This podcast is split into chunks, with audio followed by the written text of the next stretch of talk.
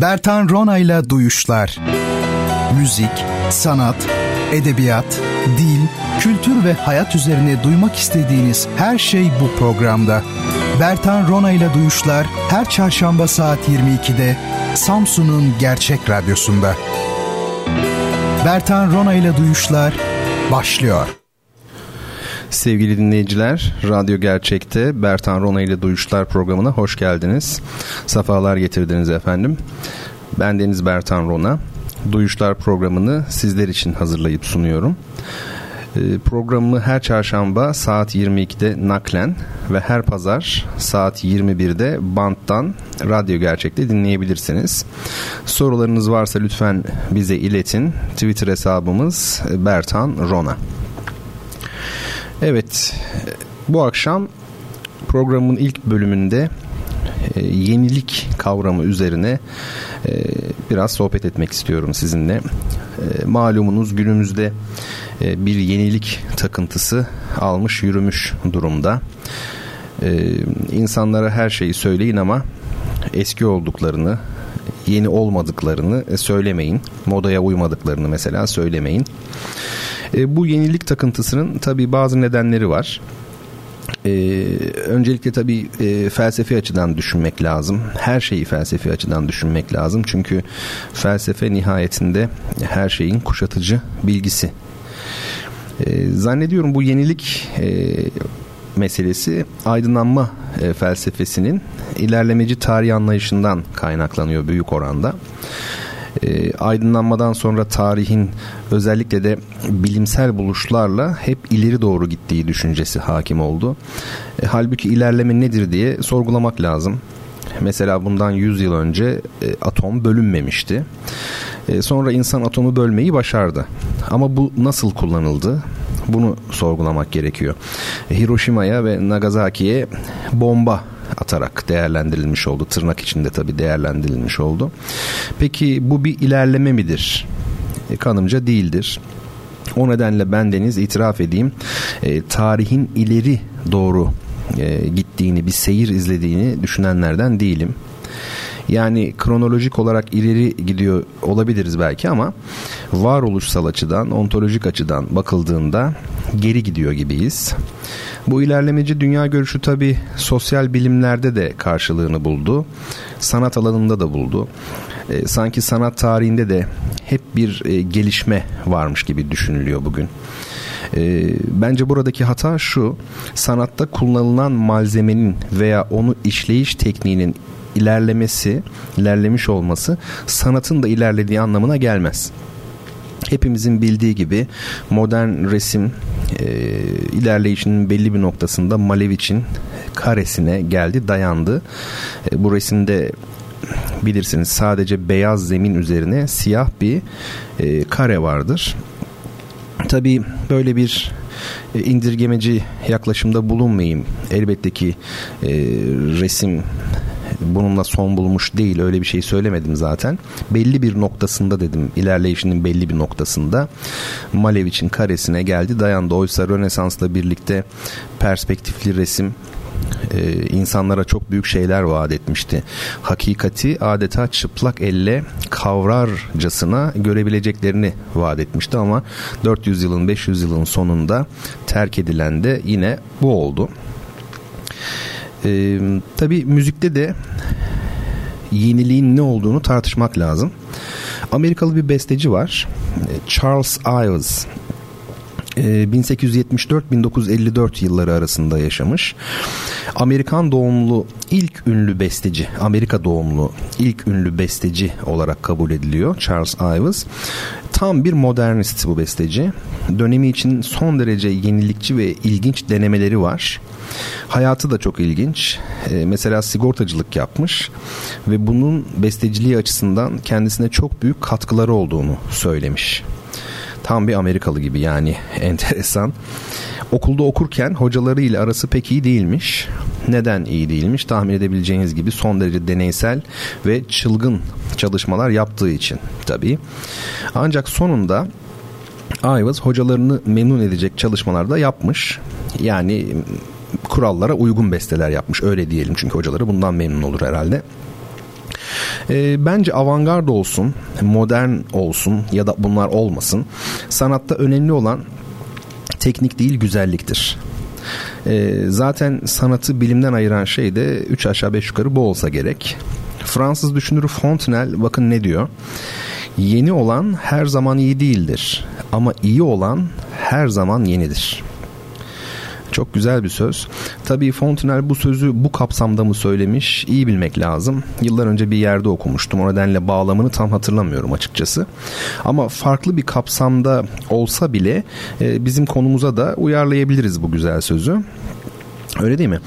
Ee, evet. Ee, üç aşağı beş yukarı bu meseleyle ilgili ben de Fontenelle gibi düşünüyorum. Yani bugün bir Bach yapıtı ya da bir Itri eseri baktığınızda 200-300 yıl öncesinden bugüne sesleniyor olabilir.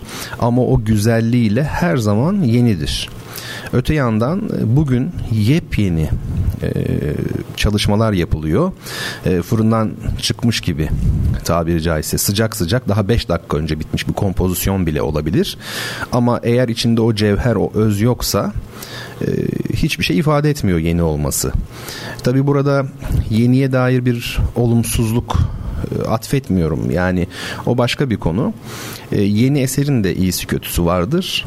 Eski eserin de iyisi kötüsü vardır. Burada e, müzik adına, sanat adına benim vurgulamak istediğim nokta bu. Hatta yeni eserlere kötü olma şansı da pek tanınmaz modern yapıtlara. E, modern eserleri çünkü anlamak zordur. İnsanlar anlamadıklarında ya çok kötü eser, böyle film mi olur, böyle resim mi olur, böyle müzik mi olur derler. Yani pek kötü olma hakkı tanımazlar. Modern kompozisyonlar bu açıdan daha belki e, şanssız, dezavantajlı. E, ama dediğim gibi eski olsun, yeni olsun e, bir eseri e, kalıcı yapan şey e, taze, canlı ve bu anlamda hep yeni yapan şey onun e, güzelliğidir. E, besteci Charles Ives'dan söz ettik. Şimdi bunu Fontenelle'in sözüyle e, ben birleştireyim ve e, Ives'ın yenilikçi olan eserlerinden değil de iyi olan eserlerinden birini e, size dinleteyim. Hani hocalarının memnun olduğu şu sözünü ettiğim kurallara uygun e, eserlerinden biri. Ives e, o kadar e, kendi dönemi için ilerici, çılgın e, tecrübeler ortaya koymuş ki öyle eserler yazmış ki e, şimdi birazdan e, size dinleteceğim eser Ives için çok çok çok e, klasik. Onu da dediğim gibi herhalde hocalarını memnun etmek için yazmıştır. Fakat o klasik dil içerisinde o çok eski kurallarla yazdığı müzik çok iyi bir müzik. Hiç önemli değil hangi kurallarla yazdığınız. Yeter ki bir diliniz olsun, belli bir e, çerçeveniz olsun. Önemli olan orada iyi olanı yazmak. Sonuçta majör dizi, minör dizi en iyi besteler de bunlarla yapılmış geçmişte. E, en kötüleri de bunlarla yapılmış. Demek ki mesele biraz da e, nasıl kullandığınız bu malzemeyi. E, şimdi dinleyeceğimiz parça bestecinin 1900'lerin hemen başında tamamladığı birinci senfonisi. Tabi eserin tamamı oldukça uzun. E, bizim programımızın çerçevesi açısından ben sadece ilk bölümünü aldım. E, Allegro başlıklı bu birinci bölüm e, son derece renkli ve melodik. E, beğeneceğinizi ümit ediyorum. Orkestra şefi Zubin Mehta yönetimindeki Los Angeles Filarmoni Orkestrası seslendiriyor. Dinleyelim efendim sonra kaldığımız yerden Bertan Rona ile duyuşlara devam edeceğiz inşallah. Bertan Rona ile duyuşlar devam edecek.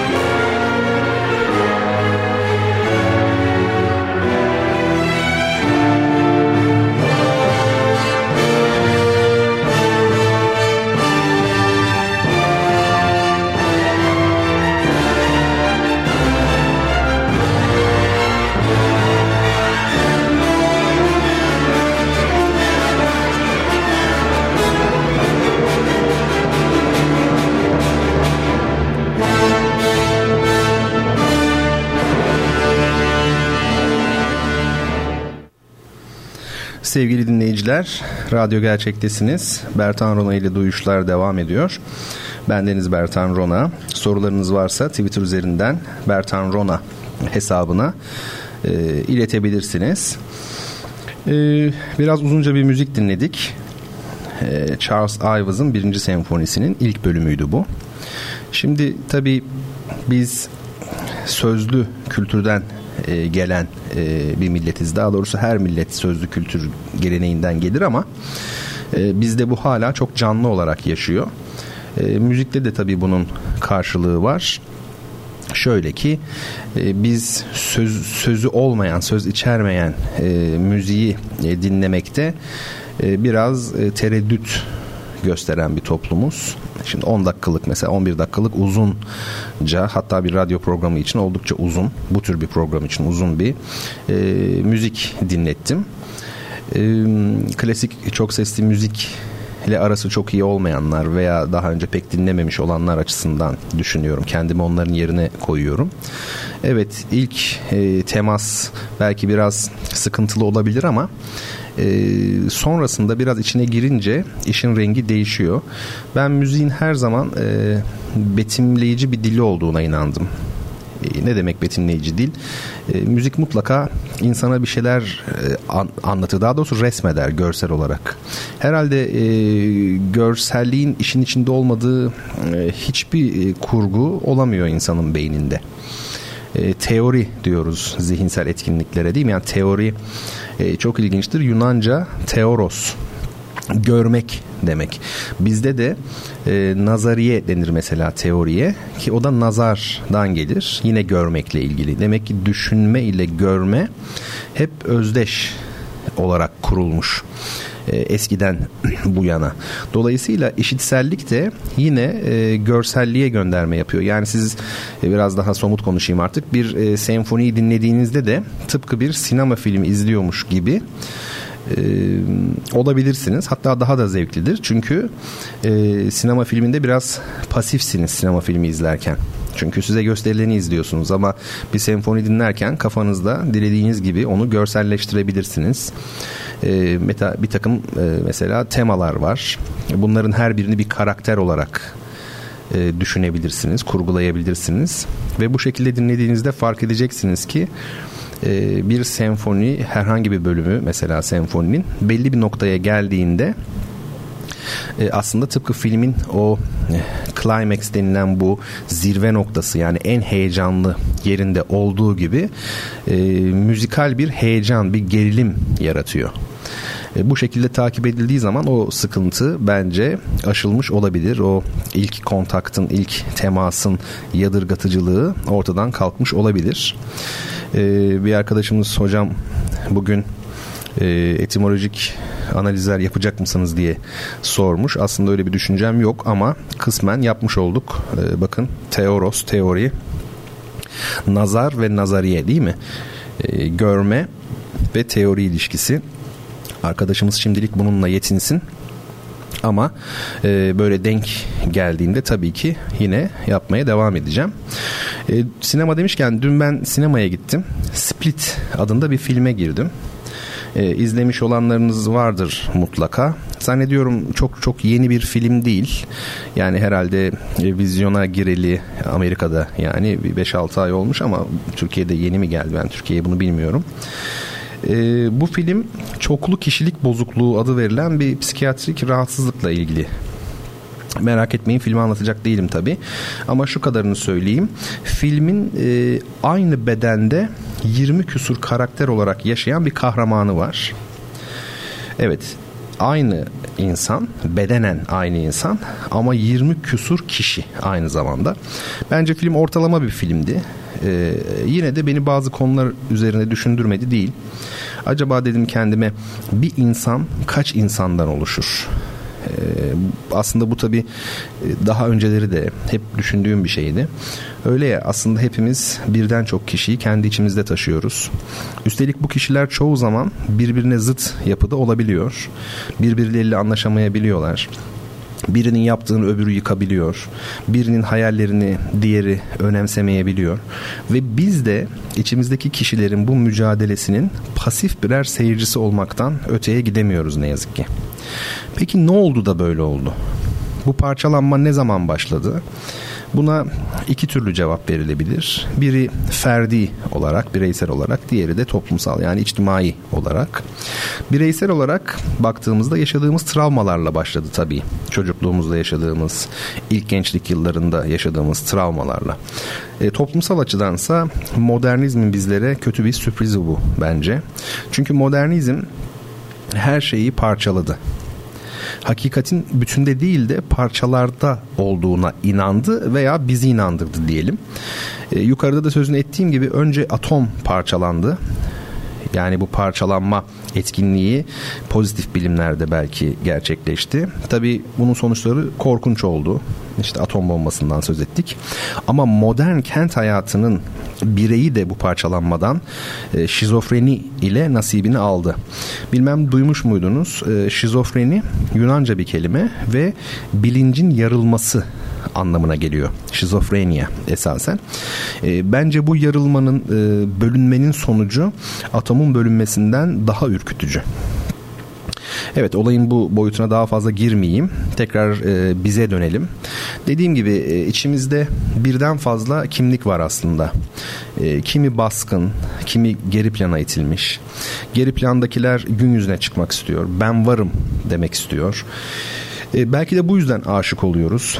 Zayıf kimliklerimizi güçlendirmek, eksik yönlerimizi tamamlamak için.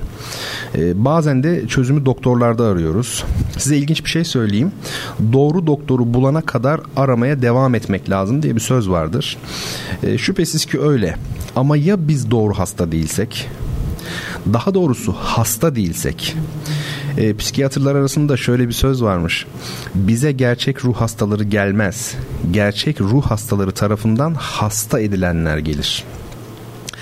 E, demem o ki sevgili dinleyicilerim hasta olmayanı hiçbir doktor iyileştiremez. Yani iyileştirilebilmeniz için önce hasta olmanız lazım. E, Eric Fromm'un yanılmıyorsam Özgürlükten Kaçış e, adlı kitabında okumuştum. Yazar asıl ruh hastalarının modern hayatın bu hastalıklı ve insan doğasına aykırı ortamında rahatsızlanmadan yaşayabilenler olduğunu, e, bu ortamda rahatsızlanmanın sağlık belirtisi olduğunu vurguluyordu kitabında. Yani bu ortamda rahatsızlanıyorsanız bu sizin sağlıklı olduğunuza işarettir. Çünkü gerçekten de e, rahatsızlanılabilecek, rahatsızlanılması gereken bir ortam var. E, evet bu bahsi yıllar önce söylediğim ve arkadaşlarımın çok hoşuna giden bir söz ile şimdilik kapatayım. Ruh hastasıysanız sevinin çünkü bu hala bir ruhunuz olduğunu gösterir. Evet hadi gelin şimdi bir müzik arası verelim yine ee, ve bizleri tedavi edecek güzel bir müzik dinleyelim. Bizleri rehabilite edecek güzel bir müzik. Yumuşak tınısı ve çok sesli müziğe elverişli yapısıyla, ergonomisiyle e, çok ihmal edildiğini düşündüğüm gitar için bir müzik olsun bu. Gitar hakikaten de tınısı son derece yumuşak bir çalgı. E, çok sesli müziği yapabiliyor. Kendi kendine ciddi anlamda eşlik edebiliyor ve ergonomik yani taşınabilen bir çalgı.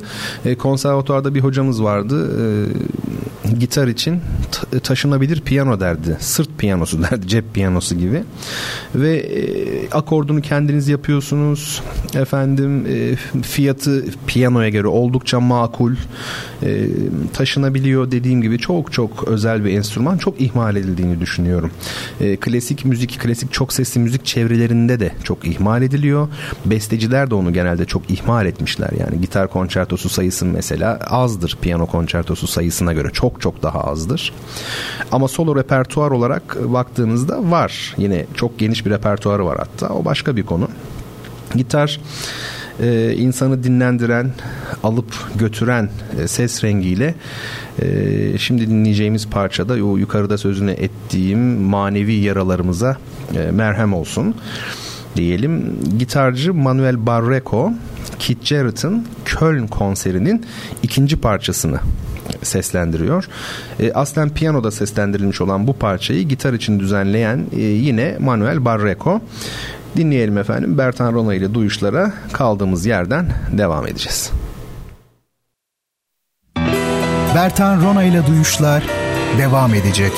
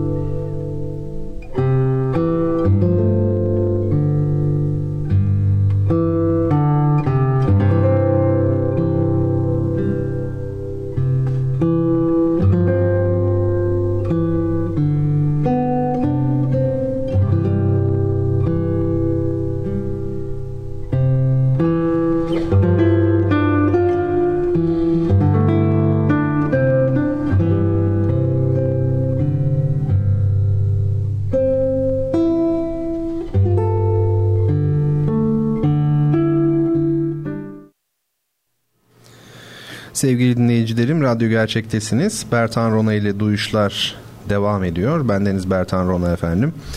E, Duyuşlar programını sizler için hazırlayıp sunuyorum. Soru ve önerilerinizi bize iletebilirsiniz. Twitter üzerinden hesabımız Bertan Rona. E, bu bölümde biraz e, koro kavramı, koro olgusu diyeyim daha doğrusu üzerinde e, konuşmak istiyorum. Tabii kendi deneyimlerimden yola çıkarak konuşacağım ama önce şunu söyleyeyim. Az önce e, gitarın sesinin ne kadar yumuşak olduğundan bizleri ruhen tedavi edeceğinden söz etmiştim. E, parça da hakikaten son derece hareketli girdi. Çok çok çok böyle büyük bir sükunetle sona erdi. Hakikaten içime doğmuş gibi oldu. Yani ben tam olarak böyle detaylı dinlememiştim açıkçası parçayı biliyorum ama çok da iyi hatırladığım bir müzik değildi. Hakikaten sonu da böyle bizi Nirvana'ya ulaştırarak gelmiş oldu. Evet şimdi bu koro meselesi ile ilgili biraz sohbet edelim sizinle. Ee, ben 2009 e, yılında Samsun'a geldim. Ee, İstanbul'da yaşıyordum e, daha önce. Ee, buraya gelirken İstanbul'dan taşındım buraya. O günlerde burada Samsun Devlet Opera ve Balesi kuruluş aşamasındaydı. Kurucu müdürümüz Sayın Kerim Soysal Bey'di. Müdür yardımcısı olarak şu anki müdürümüz olan çok sevgili abim Sayın Mehmet Ortaç Bey vardı. E, orkestra şefimiz Markus Bayiş. Bendeniz de koro e, şefi idim ve İstanbul'dan biz bu dörtlü grup gelerek çalışmalarımıza başladık. E, tabii ki merkezi sınav yapılmıştı. Yaklaşık yüzün üzerinde bir kadro Ankara'daki merkezi sınavı kazanarak hemen o ay içerisinde geldiler ve çalışmalarımıza başlamış olduk. Ee, şimdi 50 kişi civarında olan koromuz o günlerde sadece 24 arkadaşımızdan oluşuyordu. 24 koristen oluşuyordu. Çok iyi hatırlıyorum. Ee, ilk sezonumuzda Mozart'ın Saraydan Kız Kaçırma operasını sahnelemiştik. Ee, sizlere burada e, şöyle bir bilgi de vereyim. E, bu eserde yani Saraydan Kız Kaçırma Operası'nda adı geçen saray bir Osmanlı sarayıdır. Zira Saraydan Kız Kaçırma Operası Selim isimli bir Osmanlı paşasının eline esir olarak düşen e, soylu bir Avrupalı kadının Konstanse'nin sevgilisi Belmonte tarafından kurtarılmaya çalışılmasını anlatıyor. 18. yüzyılda Avrupa'da Allaturka denilen Türk tarzı eserler, Türk konulu yapıtlar son derece modaydı. Mozart'ın Saraydan Kız Kaçırma Operası da bu kapsamda aslen. E, fakat burada hemen şunu belirtmeliyim ki Mozart'ın Türklere veya İslam'a, doğuya bakışı diğer pek çok besteciye göre oldukça farklıdır. Son derece olumludur her şeyden önce. Nitekim eserde Selim Paşa kendisine cariye olarak hediye edilen Konstanse'ye e, o kendisini istemediği için elini bile sürmez. E, Konstanze e, başkasına aşık olduğunu söyler. Selim Paşa'ya sıcak bakmaz yani gönüllü değildir. O bakımdan Selim Paşa da çok asil bir şekilde e, Konstanse'den uzak durur ama ona olan ilgisini de açıkça söyler. Üstelik eserin finalinde sevgilisini kaçırmaya gelen yani Konstanze'yi kaçırmaya gelen Belmonte'nin planlarını anlayıp ikisini de yakalattığı halde Selim Paşa aşıklar birbirine ait olmalı düşüncesiyle onları affedip serbest bırakır.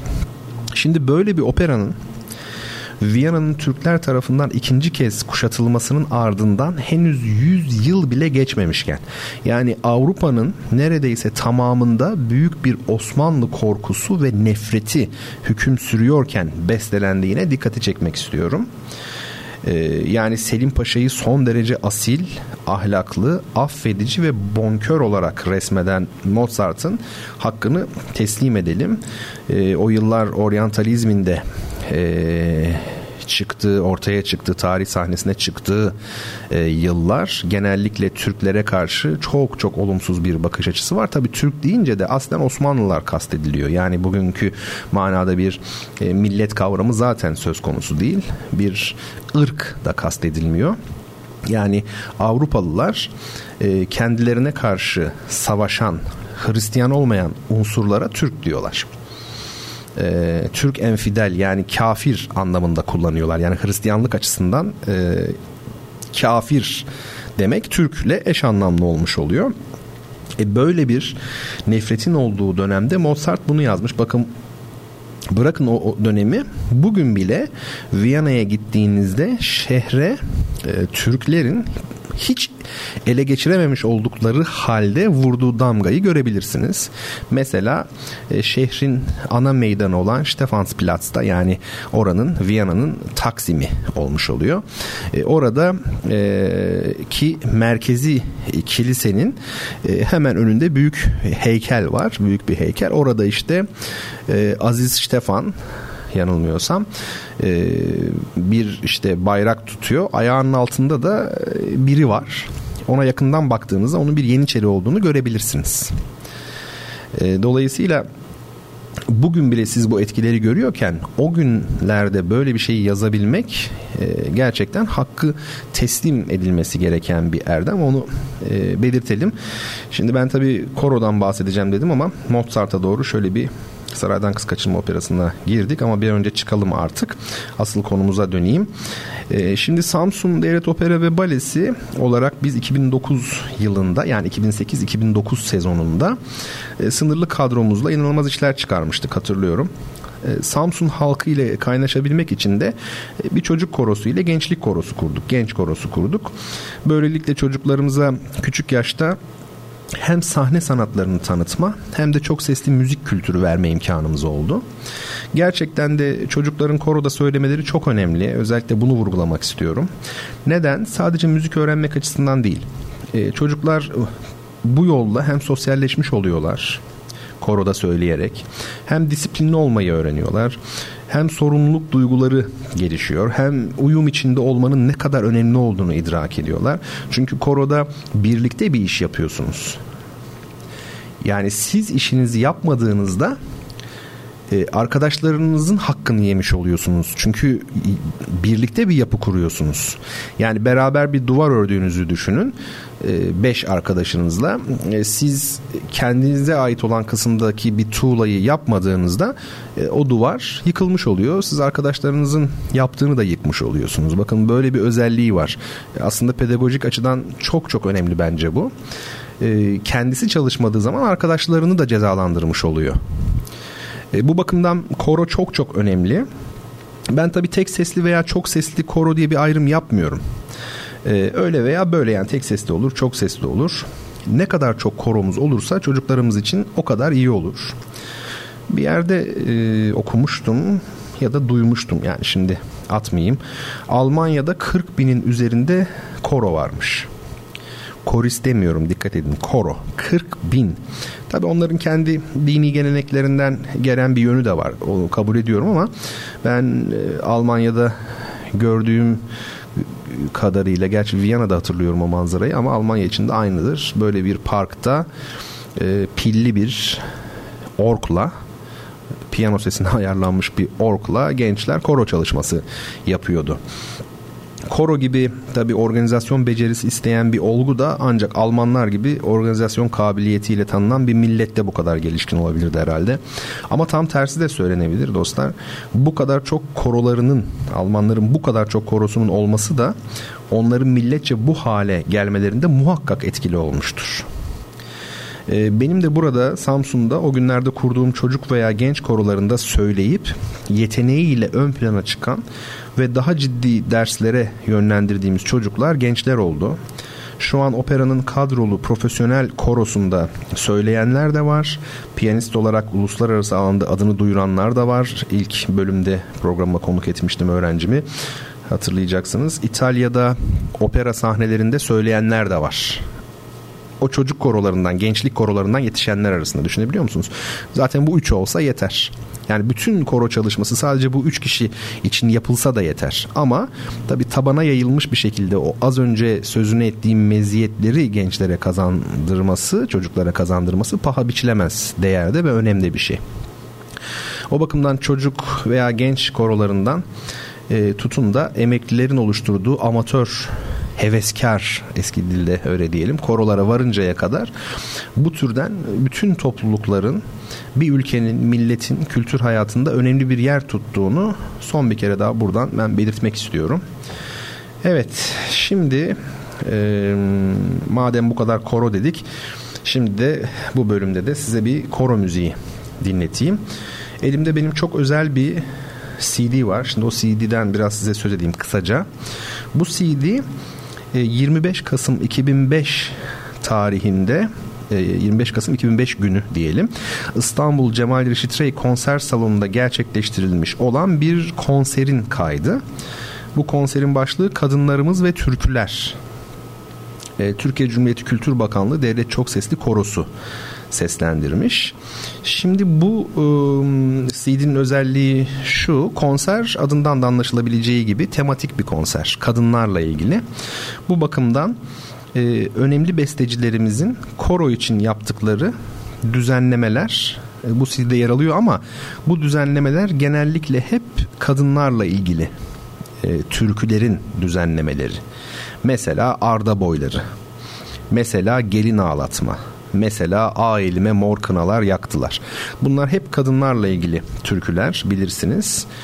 E, bunları çok sesli olarak koroya düzenleyen bestecilerin eserleri. Şimdi ben sizin için buradan 3 tane seçtim. Arka arkaya sizlere e, çalacağım bunları. Şimdi bir tanesi Arda Boyları. Bildiğimiz ünlü Arda Boyları türküsünün düzenlemesi. Bunu düzenleyen Aysim Dolgun. Benim 10 yıl önce 12-13 yıl önce konservatuvardan arkadaşım olan değerli bir kadın bestecimiz Aysim Hanım, Aysim Dolgun.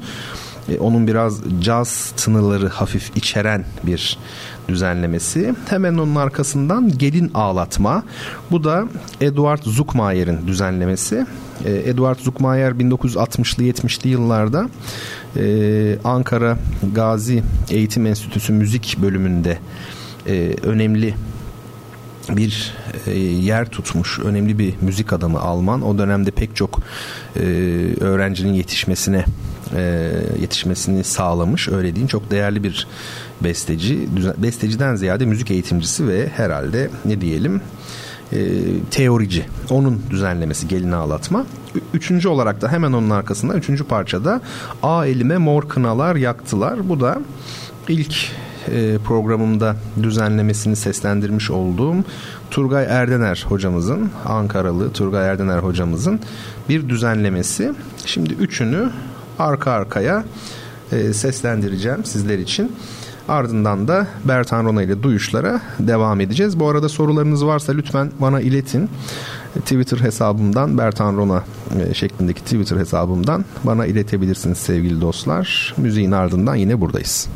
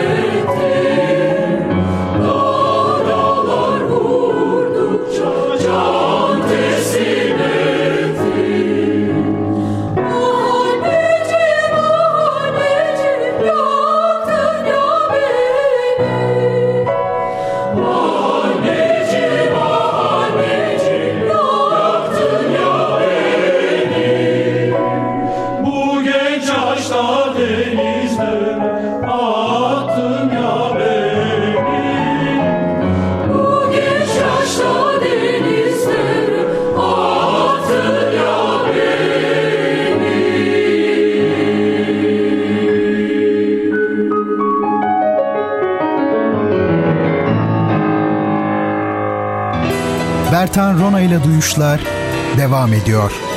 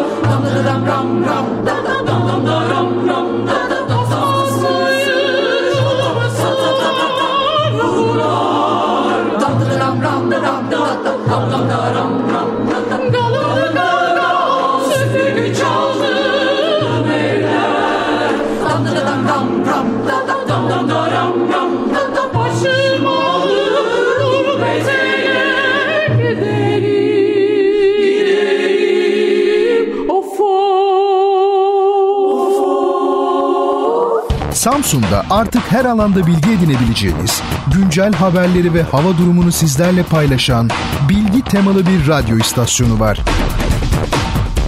Radyo Gerçek yayında.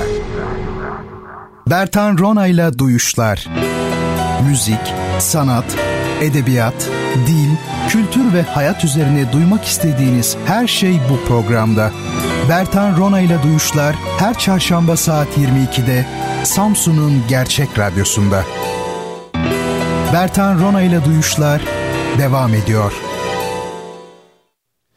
Sevgili dostlar, Radyo Gerçek'tesiniz. Bertan Rona ile Duyuşlar e, devam ediyor efendim. Ben Deniz Bertan Rona. Programı sizler için hazırlayıp sunmaktayım. Ee, sorularınız varsa Twitter'dan bize iletebilirsiniz. Hesabımız Bertan Rona. Sevgili Yasin Özay şöyle bir soru sormuş. Hocam şu an çalan müziklerin bizim toplumda neden karşılığı yok? Bağ kuramıyoruz ve kuramıyorum demiş. Aslında bu sorunun cevabını kısmen e, ben verdim bu ilk e, müziğimizi dinledikten sonra. E, aslında karşılığının olması bizim toplumumuzda karşılığının olması e, kolay değil biraz zor. Çünkü e, idealize etmeye gerek yok. Ben şunu her zaman söylemişimdir. E, çok sesli e, müzik geleneği bizim e, son 40-50 yıldır 60-70 yıldır neyse.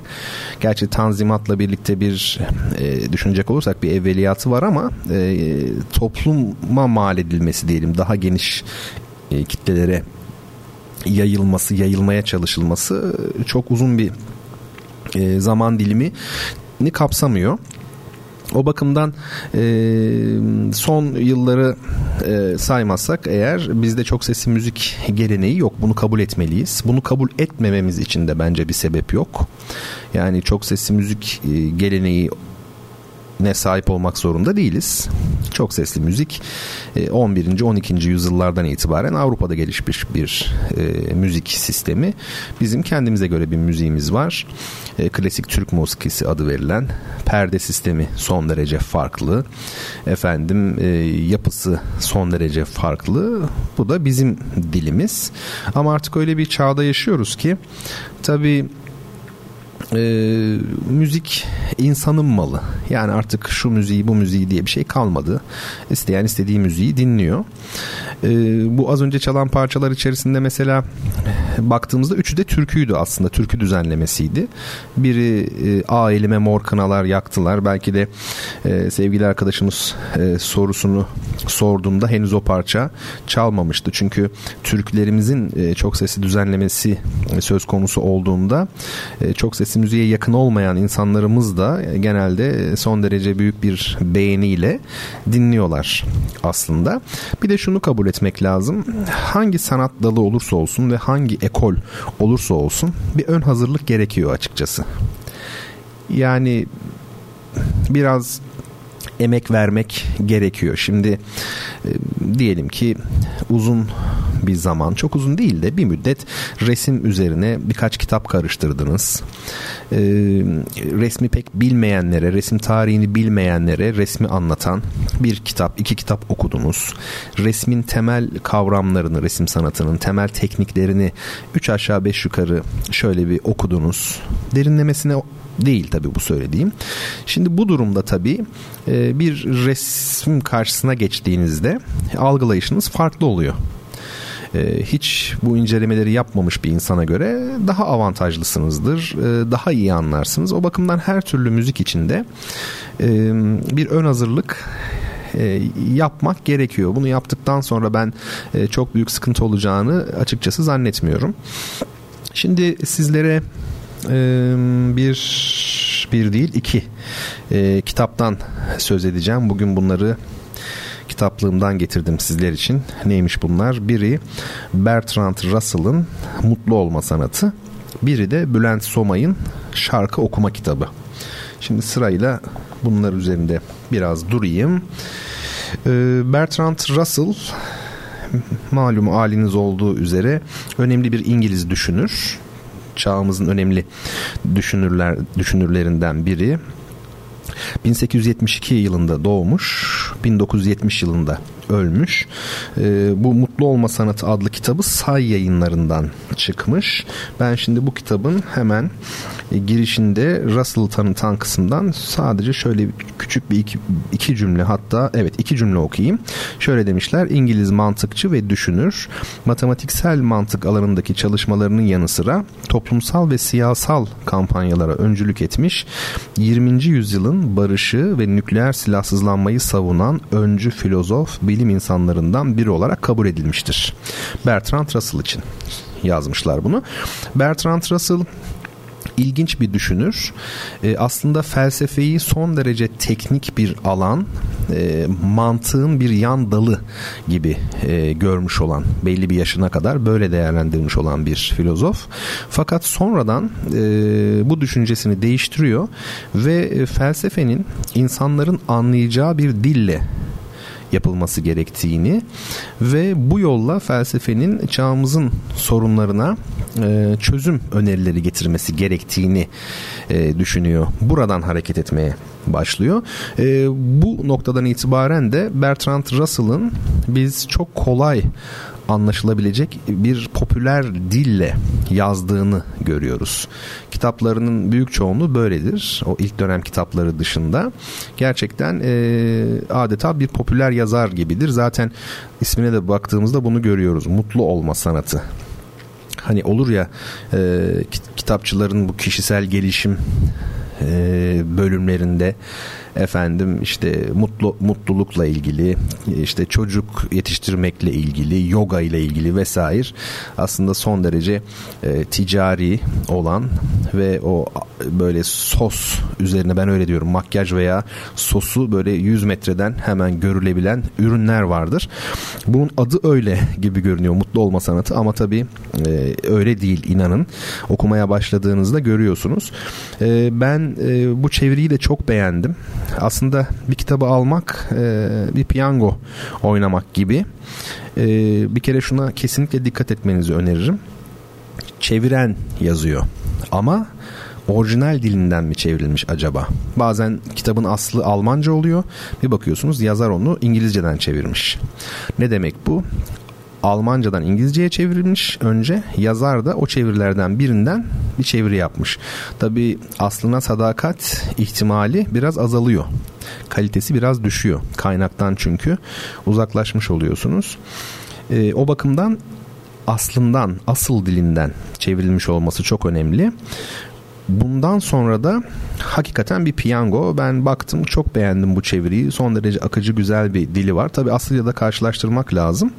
Ama bazen karşılaştırmadan da anlayabiliyorsunuz akıcılığından, güzelliğinden.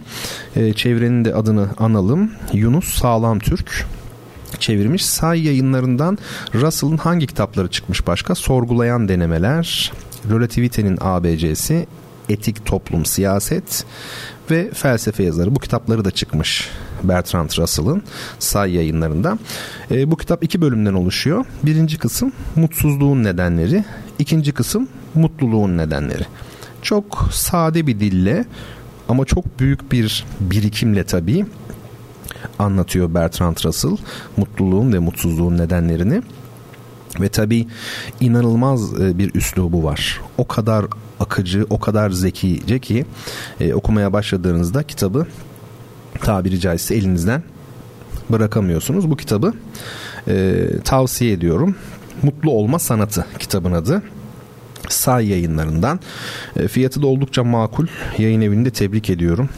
Hatta bunu alırken bunun dörtte biri hacminde bir kitabın da başka yayın evinden aynı fiyatta olduğunu gördüm. Ee, tebrik ediyorum tekrar sağ yayınlarını. Şimdi ikinci kitap Bülent Somay yazar Bülent Somay'ın şarkı okuma kitabı. Bu e, kitabı aslında tabii herkese e, tavsiye ediyorum ama üniversite öğrencisi arkadaşlarımız e, mutlaka edinsinler. Bence önce bir Bülent Somay'dan kısaca bahsedelim. Kitabın içerisindeki yine e, tanıtım yazısından okuyacağım. 1956'da İstanbul'da doğdu. 1972'de girdiği Boğaziçi Üniversitesi'nden 1981 yılında İngiliz Edebiyatı dalında lisansüstü derecesiyle ayrıldı. 1982-83 yıllarında Montreal McGill Üniversitesi'nde bilim kurgu alanında çalıştı. 83'ten bu yana akıntıya karşı Zemin, Birikim, Demokrat ve Defter dergilerinde deneme ve makaleleri yayımlandı. 84-95 yılları arasında Mozaik Müzik Topluluğu'nun bir üyesi olarak 95'ten sonra ise bağımsız olarak müzik çalışmalarını sürdürdü. Metis yayınlarında fantazi ve bilim kurgu edebiyatı alanında editörlük yaptı. 86-94 yılları arasında yazdığı siyasi makalelerini topladığı Geriye Kalan Devrimdir 97, şarkı okuma kitabı 2000, Tarihin Bilinç Dışı 2004, Bir Şeyler Eksik 2007 ve Çok Bilmiş Özne 2008 adlı kitapları Metis yayınları arasından çıktı. Somay halen İstanbul Bilgi Üniversitesi Kültürel İncelemeler Yüksek Lisans Programı direktörü olarak çalışmaktadır. Bu kitap e, ses ve sözle denemeler alt başlığını taşıyor. E, çok sıra dışı bir kitap. Bu kitapta Bülent Somay bir müzisyen olarak gitarıyla yıllar boyunca çalmış olduğu parçalardan hareketle çok çok iyi bildiği insan psikolojisine ve insan e, ilişkilerine dair e, çözümlemeler yapıyor, analizler yapıyor. E, çok hoş avantgard bir dili var kitabın ve insan çok şey öğreniyor gerçekten. Bülent Somay'ın bütün kitapları öyledir. Ee, ben de birkaç kitabı var. Ee, hepsini okumadım. Onlar da sırada bekliyor. Ee, notlarımın arasında var. Ee, fakat bu kitaptan özel bir e, zevk almıştım. Özellikle rock müzik sevenler kendilerinden de çok şey bulacaklardır bu kitapta. Bülent Somay'ın şarkı okumak kitabı. Evet, şimdi e, bu ciddi sanat ve felsefe e, bitirirken bunu söyleyeyim. Ciddi sanat ve felsefe e, basit bir dille anlatılabildiği gibi işte Russell örneğinde ya da Bülent Somay örneğinde olduğunca e, tam tersini düşünürsek yalın bir dille yazılmış popüler eserler de ciddi kaliteli olabilirler. Ciddi ve kaliteli olabilirler. Bizim buna ihtiyacımız var bence. E, pop müzik mesela Türk eskiden Türk hafif müziği denirdi. Türkçe sözlü hafif müzik oldu herhalde sonradan. Sonra Türk pop müziği işte 90'lardaki e, pop patlaması vesaire o e, yılları e, hatırlayanlar vardır mutlaka. E, Fikret Kızılok diyelim ya da İlhan İrem diyelim ne bileyim Zerrin Özer diyeyim. E, eskiden e, kaliteli bir hafif müziğimiz varmış. Hafif müzik ne güzel bir adlandırma. E, fakat e, 90'lardan sonra e, özellikle son yıllarda günümüzden birkaç yıl öncesinden bu yana özellikle e, çok büyük bir e, irtifa kaybı yaşandı kalitede maalesef. Ben şöyle bir e, düşünüyorum. 70'li yıllarda tanınanlar, meşhur olanlar, şöhret olanlar e, bunu gerçekten e, hak edecek e, özellikli insanlarmış. Yani özellikli seslermiş. Şöyle bir düşünün.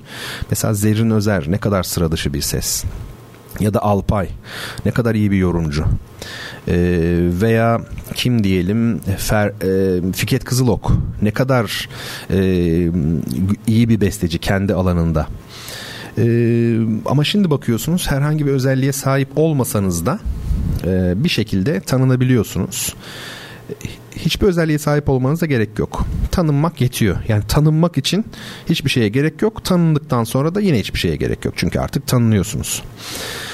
Ee, dolayısıyla e, Bertrand Russell'dan yola çıkarak aslında söyledim bütün bunları. Hafif müzik de kaliteli olmalı, güzel olmalı. E, popüler işler de herhangi bir şekilde kaliteden ödün vermemeli. Ben e, herkese Fikret Kızılok dinlemeyi öneriyorum.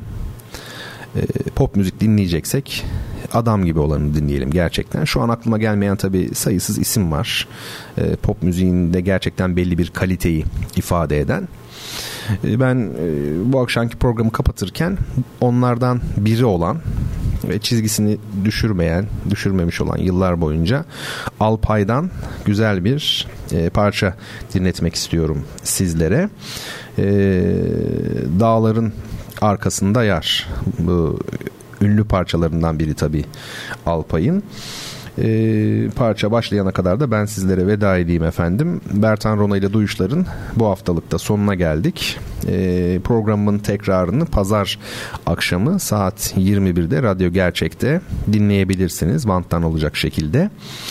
Haftaya çarşamba ee, yine saat 22'de Bertan Rona ile Duyuşlar'da hepinizle görüşmek dileğiyle. Esen kalın.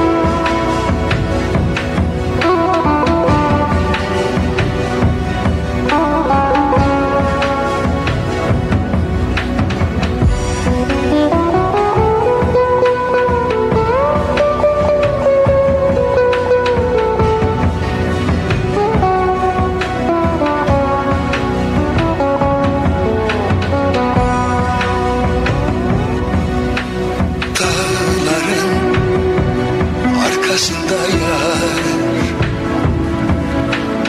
Önünde ise ayrılıklar Dağların arkasında yar. Önünde ise ayrılıklar Umudum yok dermanım yok ardımda bir bekleyenim yok. Geceler uzun, gündüzüm yok. Ardımdan bir ay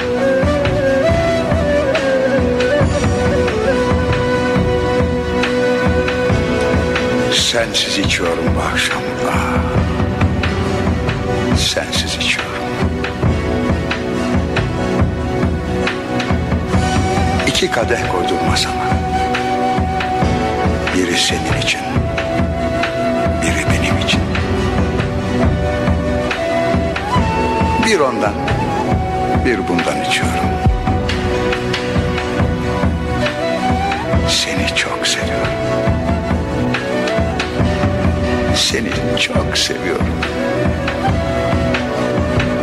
Seni çok seviyorum.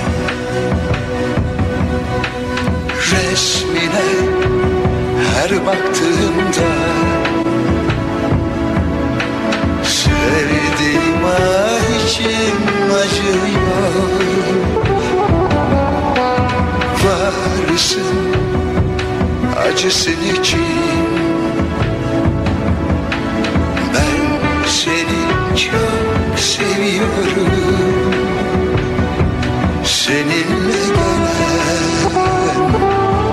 acılara.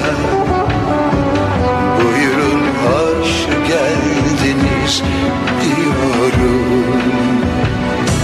Seninle gelen tüm acılara. Buyurun hoş geldiniz diyorum. Dağların arkasında yar Önümde sen ayrılıklar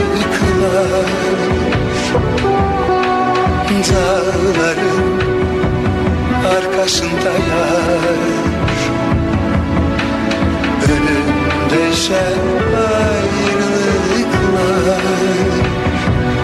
Umudum yok Dermanım yok. Ardımda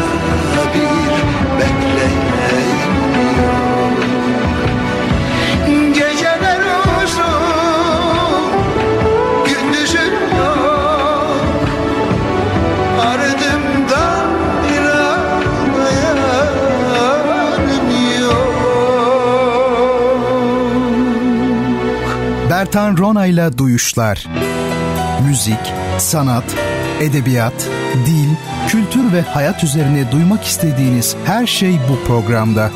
Bertan Rona'yla Duyuşlar her çarşamba saat 22'de Samsun'un Gerçek Radyosu'nda.